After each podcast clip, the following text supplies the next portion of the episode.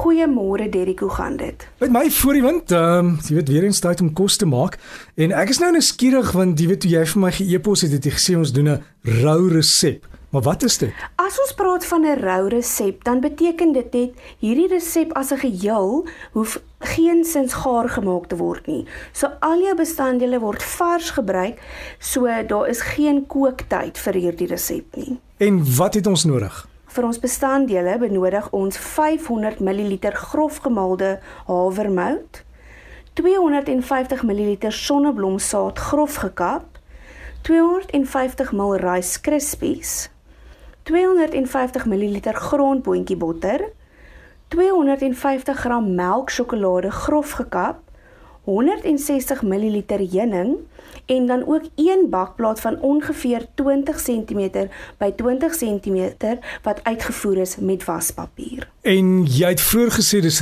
rou resep, so ons gebruik net die bakplaat. Ons gaan hom nie gebruik met 'n bak nie. Die bakplaat gaan glad nie in die oond nie. Ons gaan hom net gebruik in die proses. Goed, en dan net gou om te vra oor die volhoubaarheid van resepte. Is daar deesdae 'n neiging dat mense meer kan ek sê groen kos wil maak? Daar is definitief ons sien 'n groot beweging in ons winkels, in ons resepteboeke, in ons tydskrifte. Dis definitief 'n tendens wat meer en meer algemeen gaan word oor die volgende paar maande en jare.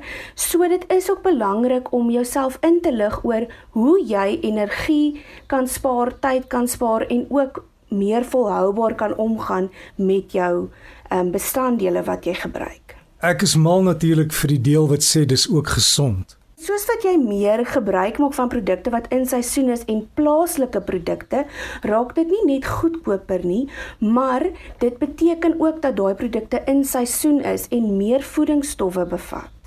So dit is belangrik om na al daai goeders te kyk. Goed, so ons het nou alles hier reg om die kos te maak. Wat moet ons doen? So jy vat al jou bestanddele en jy gooi dit in 'n groot mengbak. Jy gaan dan al daai bestanddele goed deurroer tot dit bymekaar kom. Ehm um, jy gebruik 'n maatlepel en skep 15 ml porsies op die voorbereide bakplaat uit.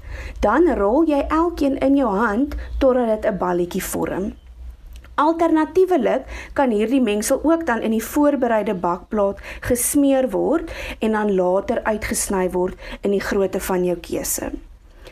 Hierdie mengsel verkoel jy dan in die yskas vir ongeveer 1 tot 2 ure en daarna kan jy die happies in 'n lugdigte houer in die yskas stoor.